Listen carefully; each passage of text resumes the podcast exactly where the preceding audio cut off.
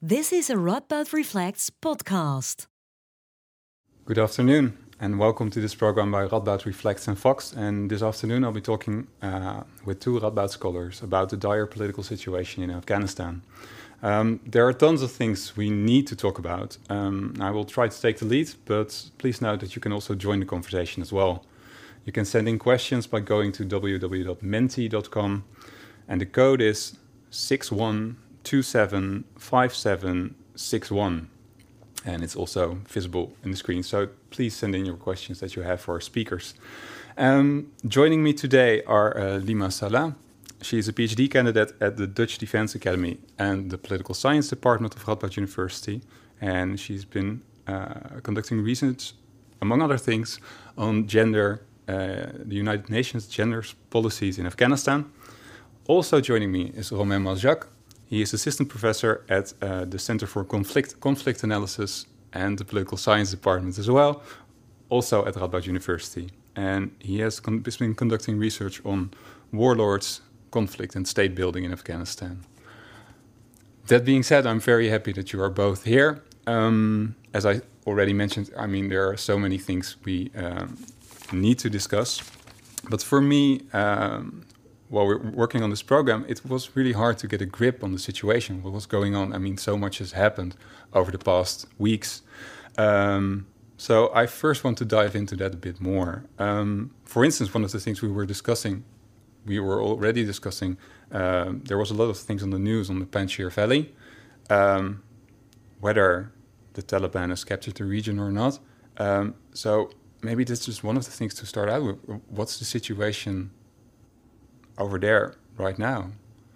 Yeah, yeah, sure. Thank you for having us. Uh, well, it's it's very difficult. There is uh, very little information that is that is double checked that we that we eventually get. But what we what we hear is that the Panjshir Valley, that was uh, initially only controlled by the resistance movement, uh, was finally entered by the Taliban. So that the Taliban managed to enter that very narrow valley. Mm-hmm. Um, which doesn't mean that the resistance is over. The resistance is is still present. Um, they don't control the territory entirely, and they took um, well, they took refuge and have been hiding in the valley, but they are they are still fighting um, against the Taliban. Mm-hmm. And is there, yeah, Lima? Oh, sorry. oh. Um, is there a specific significance to the valley as well? I mean.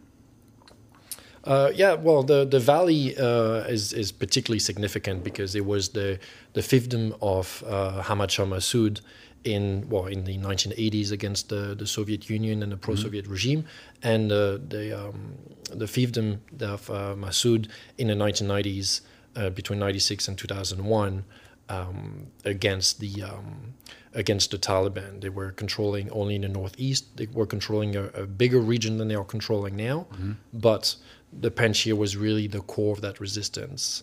Um, we should probably also mention that today is actually the anniversary of the uh, assassination of Ahmad Shah Massoud. Uh, was assassinated t- exactly 20 years ago. Yeah. Today. Two days before 9 11, which is coming up uh, on Saturday.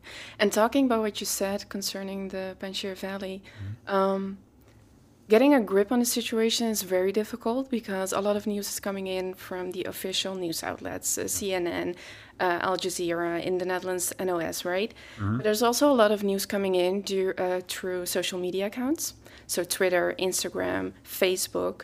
Um, and it's not the first time in the last few weeks that um, fake news has been coming mm-hmm. out or stories have been coming out and then uh, rebuked. So um, it is quite difficult to get a grip on the situation and what's happening um, on the ground. If, if, I may add something sure. that I, I, forgot to mention, talking about the situation, what is actually very important is that we see, at least we hear, but also from the UN, not only from people from Panjshir and people in the Panjshir Valley, that there are a lot of exactions that are being committed, a lot of violence that are being committed by the Taliban fighters against the inhabitants of the Panjshir mm-hmm. Valley. Mm-hmm. Um, again, it's very difficult for us from here to triangulate these kind of information, um, but the, the situation is, is very concerning um, on the ground. Yeah. And is that only focused in the Panjshir Valley, is also, or are all these events also taking place outside in other regions? Well, there's a lot of exactions uh, happening from the Taliban, generally speaking. Uh, we know that they've been going door to door to identify people who've worked with the former regime, worked with the pro government militias, worked with in the media. They're identifying women that have been having an active voice, um, journalists have been beaten up, these type of things, all over Afghanistan in main cities mostly. But what is happening in the Panjshir is very specific because it's happening against people that are supporting or inhabitants of the region that is supporting the the resistance to the Taliban. Right. Yeah. And then talking about violence, so first you saw there was a lot of focus on what was happening uh, at the airport, right? And then now and what's happening in the Panjshir Valley. But there are stories coming out about violence uh, uh, against the local people. Uh, think of the demonstrations that are happening.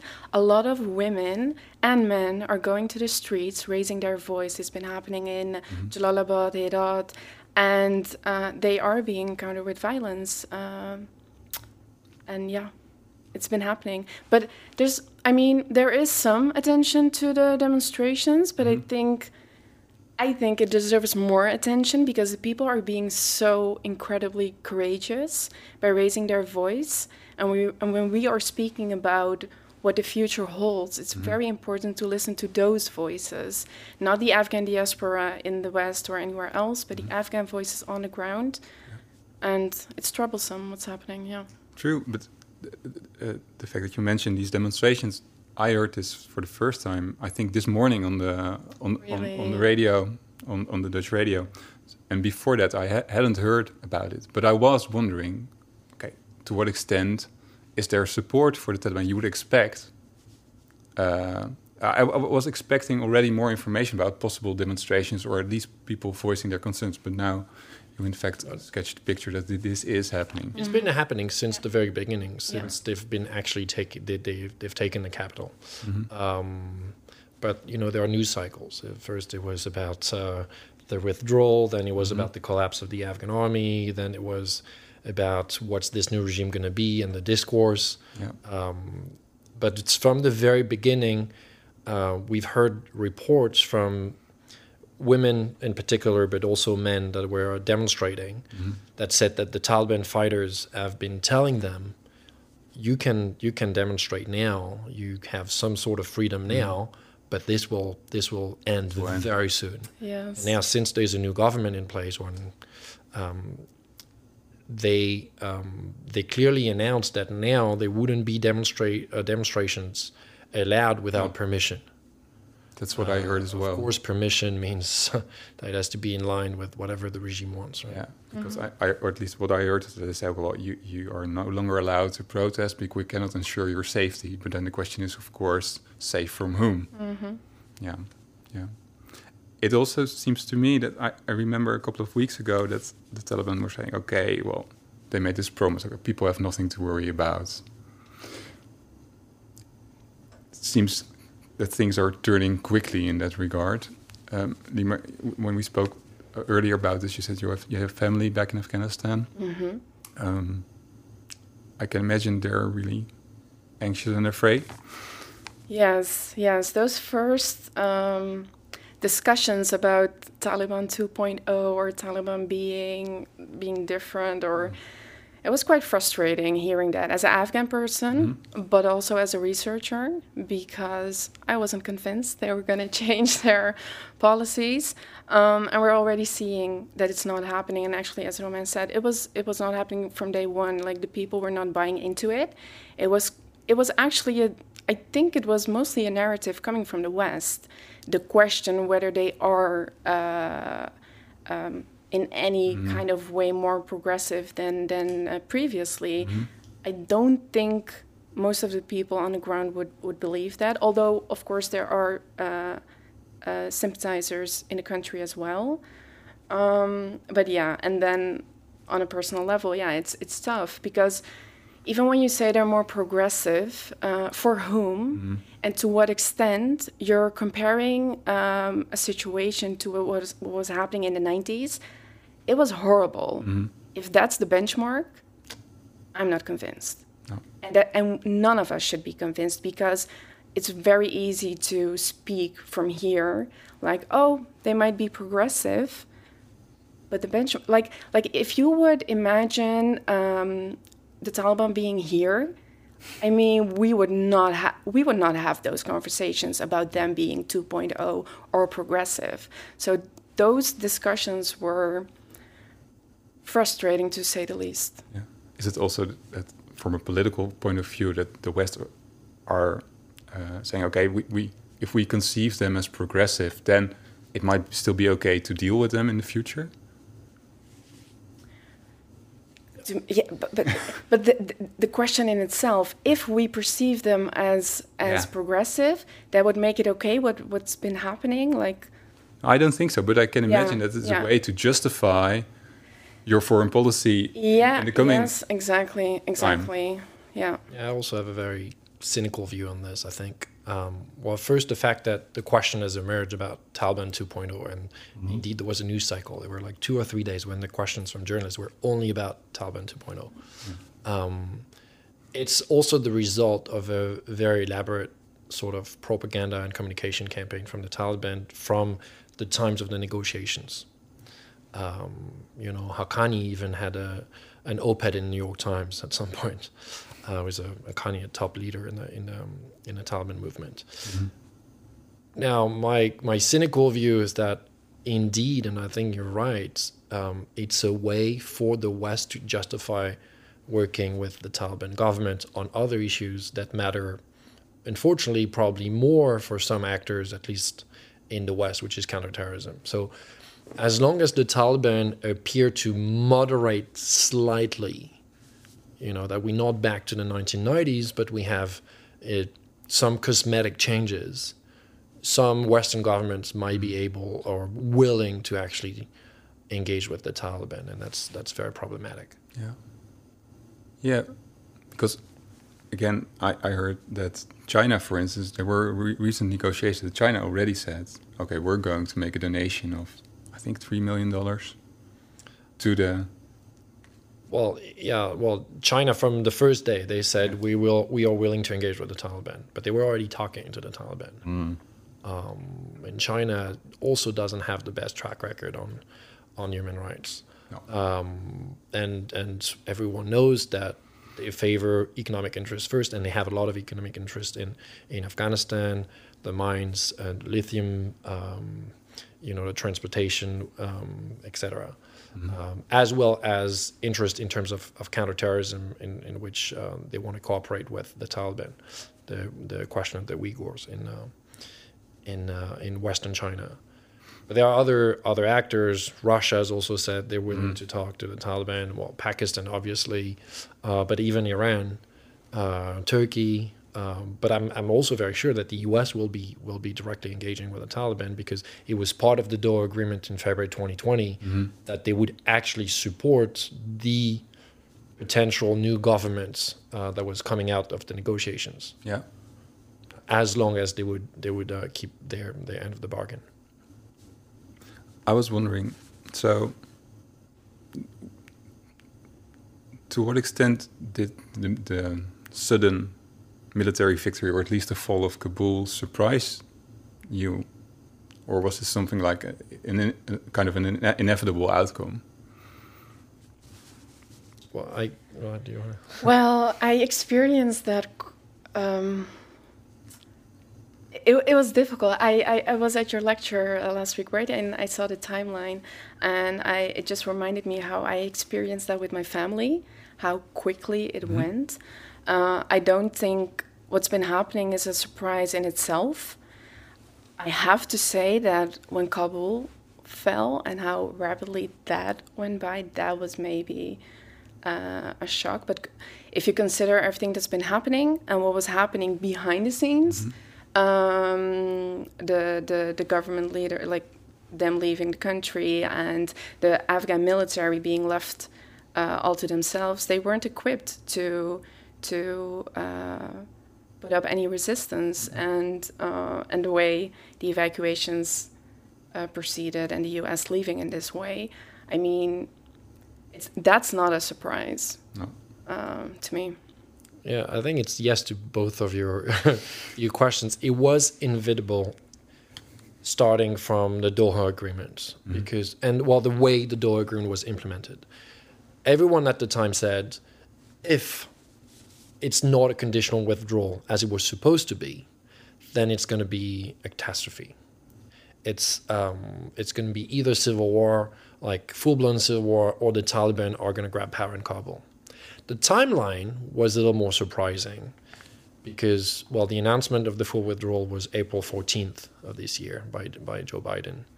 Um, the Taliban started the campaign on May 1st. So initially they took they took territory very quickly, and then in the media you see all these maps about how much territorial control and, and all these things. That doesn't mean that much because to take the uh, the countryside or the capital districts, it's it's relatively easy for the Taliban. We're talking about very little state footprints in these places. What was surprising to most people, and, and really myself included, is is how quickly they took the the big cities, the five big cities of Afghanistan. Um, no one really expected that they would be able to do that so quickly. People um, believed that the, the special forces, in particular, the army in general, was going to be able to keep control of the big cities. Uh, and well, they weren't for a number of reasons, and, and Lima mentioned a bunch. Um, and then then um, it was Herat and uh, and Kandahar that fell first, and then as soon as these two fell, um, pretty much everyone knew that that was the end, and that probably the Taliban wouldn't have enough to fight to take control of Kabul. That's so true. When Herat fell, we were calling each other and saying, "This is bad news." When those two fell, you knew it was gonna happen soon. And one of, one of the things that puzzles me, so this this rap, that that happened fast. Is this this this victory of the Taliban is, is it mainly due to like their military strength, or is there also in any way public support for the, for the movement? I think you can take this question better, but I, I, I do think there is some public support. I, but I also think it's um, there's such a big difference between the cities and the rural areas, right? Um, and as for the Taliban, their military strength, I do know they they were, that was present for quite a while, right? That's not new. Um, but I think Roman knows more about that. Yeah, I- I'd say it's actually it's neither. Um, the Taliban, it's very hard to gauge how much popularity they have, how legitimate they seem they are. But generally speaking, it's not a very very well loved group. Uh, so the idea that they are surfing on the wave of, of legitimacy and, and popular support is, is entirely wrong. Okay. Okay, most people in Afghanistan w- will not support the Taliban if they have a choice.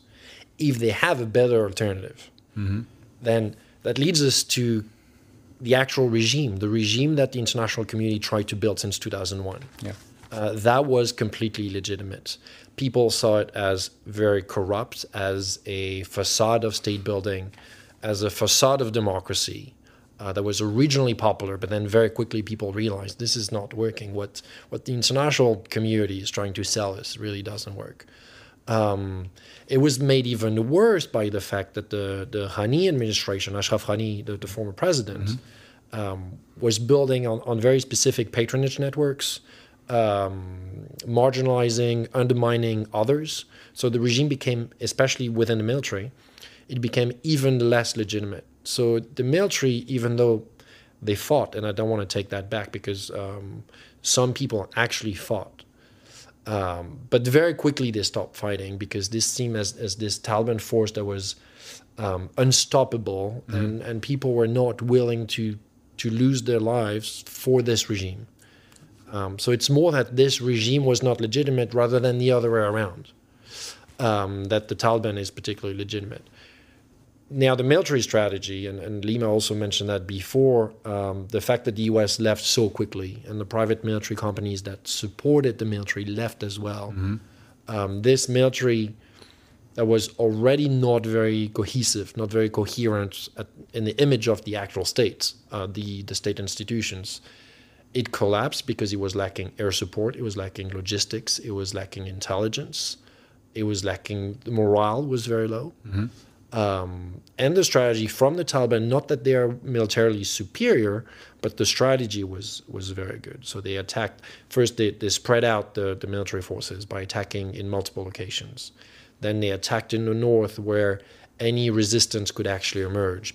So they attacked and controlled those cities before any resistance could actually form, mm-hmm. which is why now the Panjshir is so isolated because they control everything north of it. Yeah. Um, so so we had these these combination of factors that that created that that situation. I think. Um, and they yeah they also took took control of the border post. They took control of sections of the major roads, which really created that that inability for the military forces to to actually put up a real good fight. Yeah, I get more of a grip. Now I want to move to some questions from the audience that are also coming in. Um, Okay, yeah.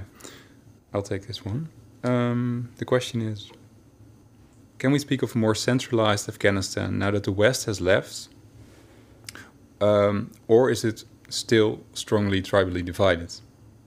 Does the Taliban have any influence on this, and with whom should we, and I don't know who the we is this person refers to, but should we negotiate? It's a very difficult question. Yeah. Uh, do you want to? Someone willing? I was wondering who the we is. Yeah, me, me as well. So, or I, I, assuming sure. the international community. Yeah. Um, let's let's let's assume that for the sake of the question. okay, if it's more centralized. Yeah, I mean, I, I, I can understand that question. If the Taliban is getting more a grip on the entirety of the country, but the question is whether that's the case. What? Yeah, it's a it's a it's a difficult question. Um, well, first of all tribally divided. It's it's a little um, simplifying Afghanistan. You know, it's mm-hmm. not every area is tribal. The the, the, the political fabric of Afghanistan is extremely complex. Yeah. But yes, it's very fragmented. So let's let's take that term instead. Yeah.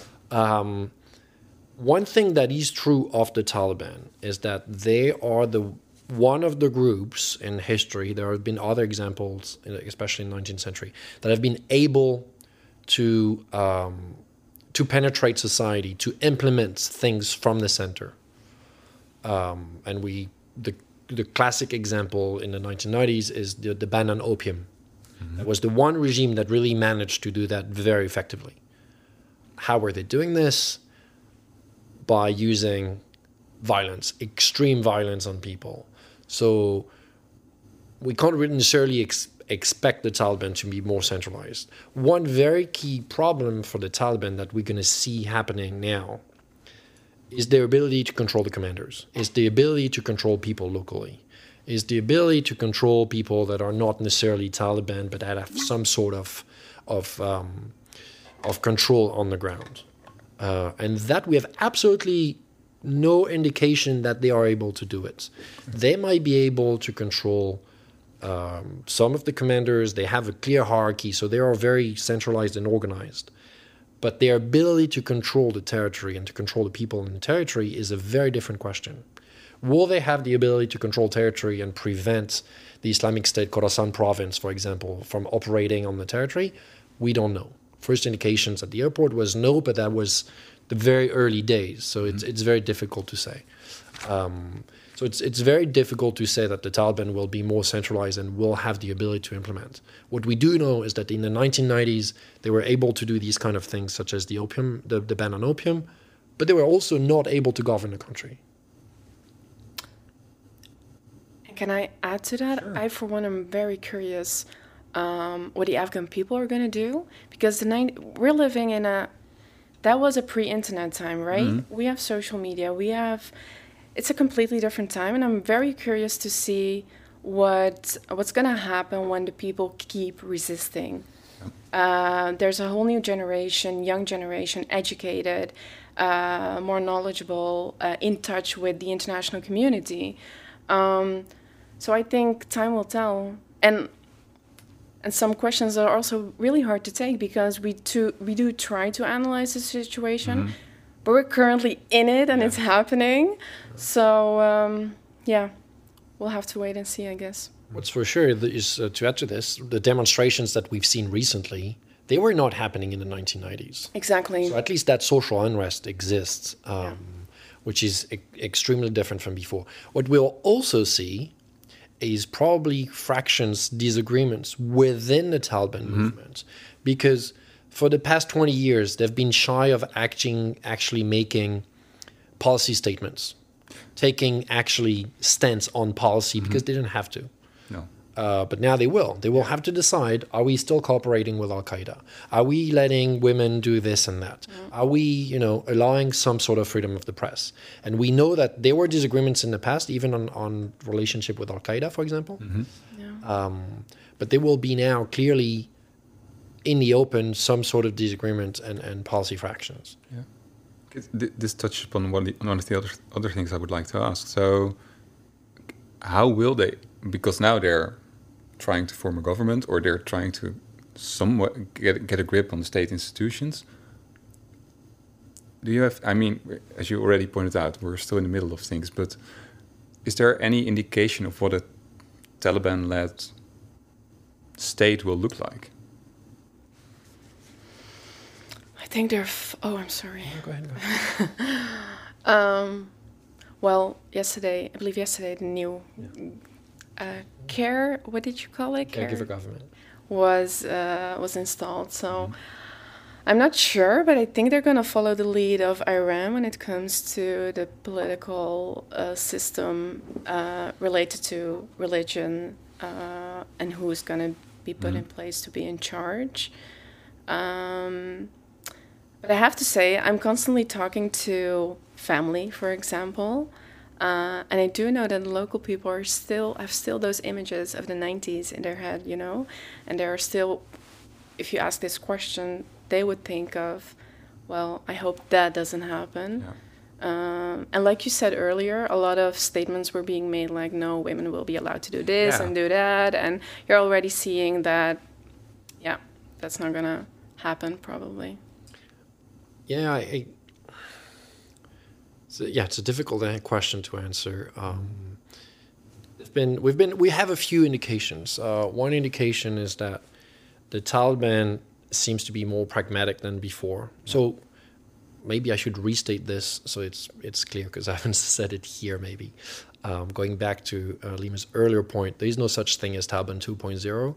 They haven't changed ideologically. That that so that the statement is made. Uh, they are the same Taliban, and we can see that government.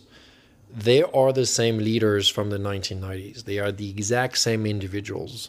It's almost entirely um, Pashtun leadership from the earlier days of the movement. Not entirely, but uh, almost. No women, of course. Um, all the same individuals, and they their ideology hasn't changed. Now, and yeah, it probably will resemble something like Iran, except well with a um, well a supreme commander that is more of a religious figure, even though religious and political. But there will be someone right now. There's a there's a prime minister um, that will be probably more in touch with the uh, day-to-day political activities, um, who has the the ear of the Akhundzada, the supreme leader. Um, with one big difference with Iran, with all its flaws, it has is the fact that it has elections. Yeah. A Taliban regime will not have elections, and uh, maybe I'll stand corrected because they will make an announcement that would make me look like a fool in two weeks. But if they have elections, there will be that will not be the elections that we have in mind. Um, so yeah, something like Saudi Arabia that is not based on on Wahhabism, but will be based on the Deobandism, which from here looks fairly similar uh, in terms of policy. So something along those lines. I'm assuming that, um, or maybe it's wishful thinking, that the international community will still have some leverage because of the economic situation that the Taliban are going to find themselves in. Because if there's one thing for sure, is that the Taliban, they want to survive as a regime. They want to stay in power. So they, not that they want to make concessions, not that they. Um, not they have that they have changed, but they might have to make some concessions, and and hopefully, especially the European Union will push so that concessions are made not only on counterterrorism, but on um, on the, the the form of the regime and, and violence and and you know social policy and and all of these things.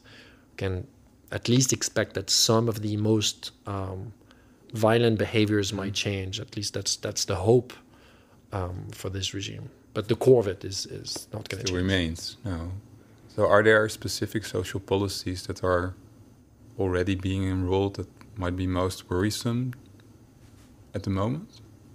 It might be what? Excuse or me. like most worrisome or have, have, have a great negative impact on the general populace? Um, let me see. I'm hearing on the ground that like uh, what Romain just said, like the the journalists being afraid to go to work or not going to work. Some of them were actually, um, um, how do you say? Um, Were they were sent back or some were sent back, but uh, they were also searching. That's the word I was looking for. I'm sorry, searching for journalists and female journalists who are in the media, and um, I think education, uh, women being able to work. Um, I think those are the most important uh, aspects where people are worrying about right now. Uh, elections. That's like elections wasn't even a thing on my mind. Like assuming that's not going to happen. So voting right or election wasn't even on my mind. But like education and um, working, um, I think those would be the first things I know people were worrying about. yeah yeah. the the situation of women in in general. I mean, women have been sent back to work, but it's also now somehow accepted that women cannot walk on the street without the presence of a man. So this is already back. This is already happening. Uh, banning music, uh, these type of things are already happening.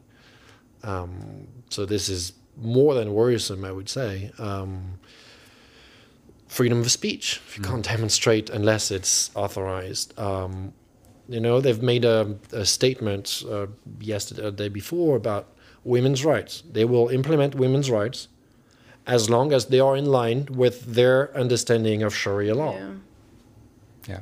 yeah. Uh, so, Yeah. Yeah. So, so that you already mentioned this uh, when talking about the U.S. and the EU. Um, to what extent you can you can wonder, okay, what are they going to do now, and what what can they do to um, in a in a more in a, yeah what, what can what can they do? But the question maybe also is to what extent uh, is the U.S. and maybe its NATO allies uh, co-responsible for the situation that's now occurring. I mean, you've both. I think you've addressed the foreign policy of the U.S. as well. I mean, is this all? Can we put this on Biden in a way, or has this been a long? Has this been a longer trajectory towards the West gradually backing out? okay, I, well, you want to. So the question is whether the international community is responsible? Yeah. I don't see how they are not responsible, to be honest. Okay. Uh, from day one. Yeah, yeah.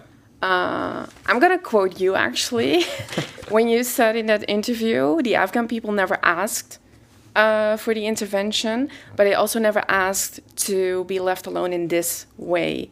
Um, and when it comes to the responsibility, I think, uh, of course, they have a responsibility. They took that responsibility upon themselves when they decided to um, to go to Afghanistan, and especially, well, I looked into the justification narratives of uh, the Bush administration and why allies joined the mission. So when you look into the justification narratives back in 2001, um, it is clearly stated that they, uh, yeah, they went there for uh, Bin Laden, for terrorism, for, for the Taliban, but also for state building, but also for uh, women's rights. That was a huge part of the justification narratives back then. Yeah.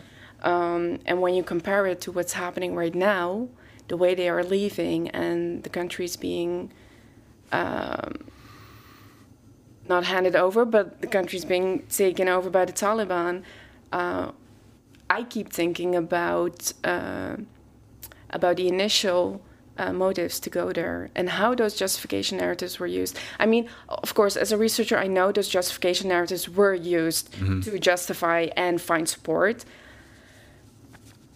but I also feel like that's the only thing that I can hold them accountable for. That's Mhm. what I looked into, um, and especially the UN gender policies, which continuously since 2000, actually, that was for 2001. So in October 2000, um, Resolution 1325 was issued stating that in every conflict situation, the position of both men and women should be taken into account in conflict prevention during conflict situations and in peace uh, keeping and peace building situations.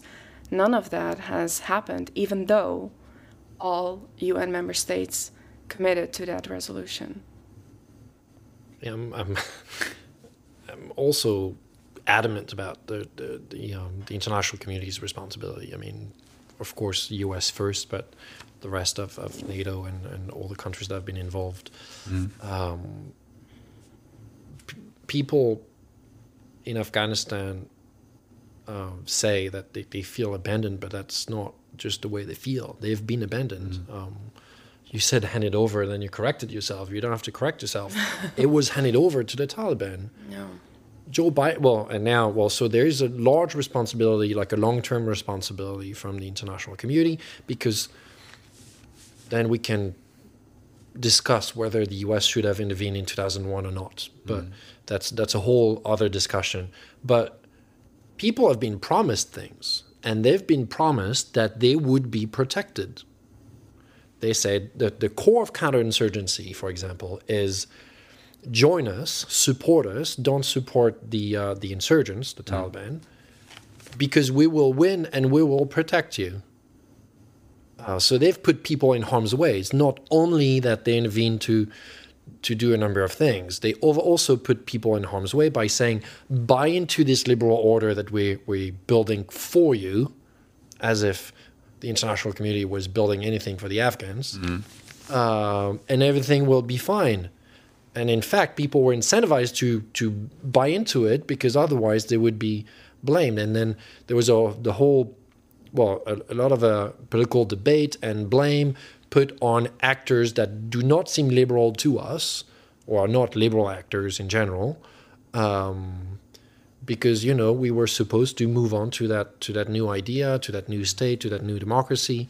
Um, people were were promised something, a state and a democracy, and and unlike what we sometimes hear, people were very happy about it initially. Uh, about you know there was these lines in front of the voting booth. Uh, people were supporting democracy. They were supporting that idea of having a state that can actually provide. And then all that you know went down the gutter.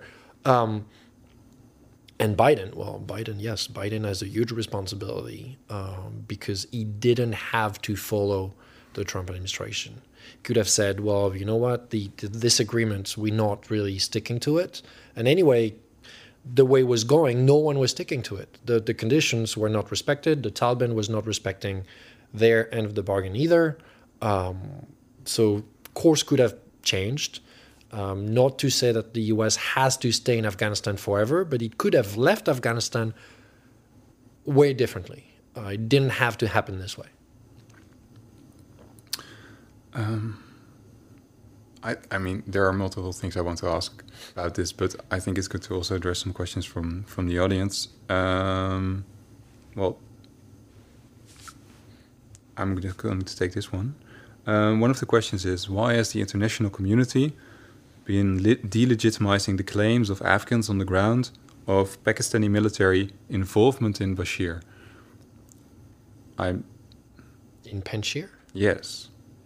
um, well, you want to take that over? The question is why the international Yeah. community is delig.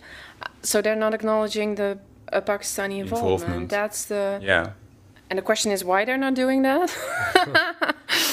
um, I'm not sure actually. I, I've been hearing a lot of um, information coming in about that, about the Pakistani involvement and to what extent uh, that's been happening. I do know. Was that this? That, that was this week actually when the f- when the news first came out uh, about Panjshir being attacked on social media. There was this entire frenzy about Panjshir is under attack. There's a genocide happening, and Pakistan is involved because some Pakistan leader would was working with the Taliban. They said pictures were even shared.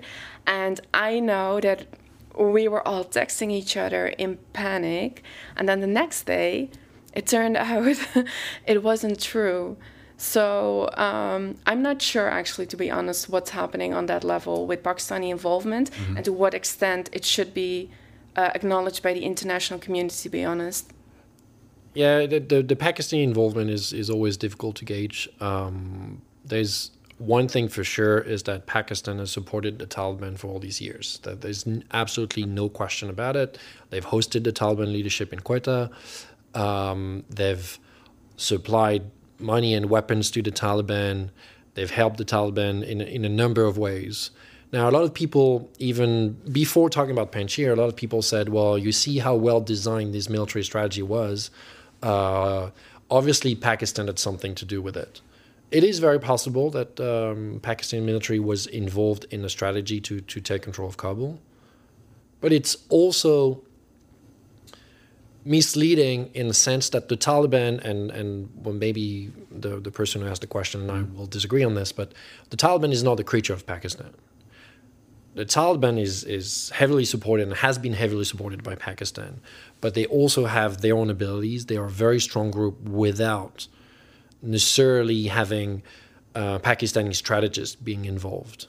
As for the involvement in Panjshir itself, I, I cannot say. Uh, I actually do not have concrete information on on the involvement. It's very possible. Mm. Uh, maybe intelligence services do have information, but I, I couldn't really um, say how well or how much they are involved in day to day activities. Mm. Um, but the Taliban do not need Pakistan to be uh, to be conducting the uh, the actions they're conducting. Right. Um, one of the other things addresses migration in a way. Um, the question is, what is your opinion? Your both opinion um, on the evacuation operations, where a lot of highly educated people left. Um, can this create a possible brain brain drain? And might that not also be a big threat? Oh, oh, the, sorry, I'm going to rephrase it. high, highly educating people are leaving, a possible brain drain that are potentially the biggest threat to the Taliban. So these highly educated people that are leaving, that the Taliban would be thinking, well, good riddance in a way. I find that kind of problematic actually. Oppression is oppression, whether you're mm-hmm. highly educated or not. Um, but then again, I, I don't know.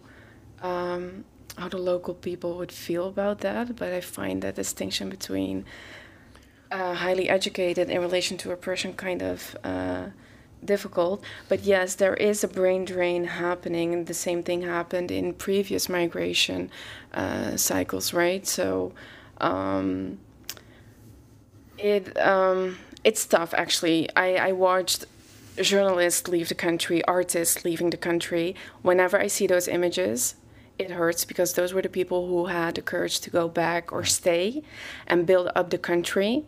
Um, so that hurts, and it's it's gonna have an effect. Uh, what its effect is gonna be on on whether the Taliban is happy with that or not, I'm not sure. They did put out a statement, right? Like we don't want Afghan people to leave. We're we're letting the ones with Dutch, French, U.S. citizenship leave, mm-hmm. but we need the Afghan people ah. to stay. The, the, Taliban did issue the, that one. Um, and there was a question about migration in general, the evacuations, or no? Not? I just rephrased it one as a question ah, okay, migration. Okay. I do have or maybe migration. No, okay. Okay. Yeah, I think there are different aspects on this. Um, first of all, the well, the brain drain is real, um, and I believe both are true.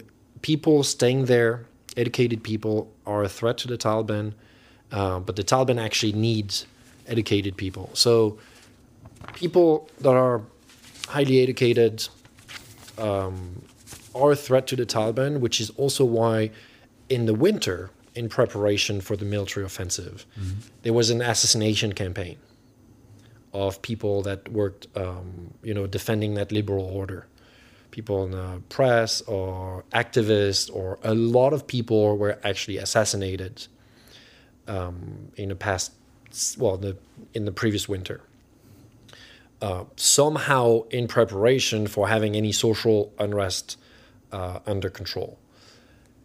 Now, when the Taliban came to power, they clearly said like we need to stop that brain drain as well, and which is why they clearly stated we will not allow the international community to postpone the withdrawal mm-hmm. after August 31st, and it was the hard deadline for the Taliban. Um, so I think for them, the biggest threat is having all educated people leave um, because they need people that can actually run the country. Yeah. So they want the bureaucrats, they want people that have the experience, the skills, the education to stay, and then it becomes for them to decide who to oppress more or less, right? Yeah. Um, as as cynical as that sounds, mm-hmm. uh, and and sad, um, then they can decide either they they would rather, I believe, have everyone stay, and then everyone has to be in order uh, and follow follow the Taliban lead, or or else. It's a grim answer. It's very it's very grim. I'm sorry about it. I mean, it's a, it's a terrible. Um, state of affairs. Yeah, I have room for there's for one final question, and it's kind of begging the question, but nevertheless. So this question is, what now? And it's focused specifically on the international community. So the person asks, what should the inter international community do?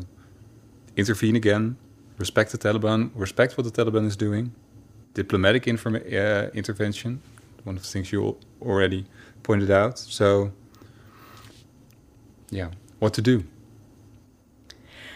What now? Yeah. Uh, that's a tough question. Um, well, I think first of all, the international community should be hesitant uh, in, in in their approach to legitimize Taliban right mm-hmm. away.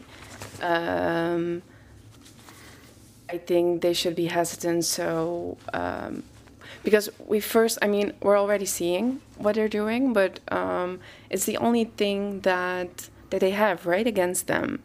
Um, so that, but when you when I heard this question, well, the first thing I'm thinking for me, uh, it's it's a. Um, it brings me back to the personal because what now for me this means uh, for the next few months I'll be living in insecurity uh, in fear of what's going to happen to the people uh, and to my family specifically. Uh, so I'm sorry, I'm kind of drifting away to that direction. Um, yeah, so that's tough. But then, uh, yeah, on uh, when it comes to the international community, I just think they should be hesitant with that. Um, I do think there's going to be another. I mean, I, I'm not sure, but I, I mean, if they're going to proceed in the way that they are doing, and what we're fearing is going to happen, um, I don't see how the international community can be quiet and watch that level of oppression and atrocities happening again. So I do think down the line uh, they're going to intervene again, I guess. Yeah, I, I personally don't think so. Mm-hmm. Um, the US left after 20 years, knowing we were going to be back to square one in terms of the regime. Mm-hmm. And Biden said, you know what, bin Laden was killed in 2011. The mission was already accomplished in 2011, um, which is, well, you know, BS. But regardless, they said, uh, we're leaving. Um, so the US are not coming back. Uh, they not, well, first of all, military intervention does not work to build a regime. Uh, we've seen that in the past 20 years. And second, they have absolutely no intention of coming back. Um, now, what should the international community do then? Um, I believe it's going to be a very thin line because they should, uh, as Lima said, not give international recognition right away. Um, because the international community needs leverage on, on the Taliban regime economic aid, international recognition. Those are the two things essentially. Um, which the Taliban regime wants. The Taliban movement wants international recognition. Mm-hmm. They couldn't get it in, in the 1990s, uh, and they want to survive as a regime. Um, the thing is, they're now they're, they're committing atrocities more and more. One line could be, well, you know what? We stop talking to the Taliban because the Taliban they're an atrocious regime.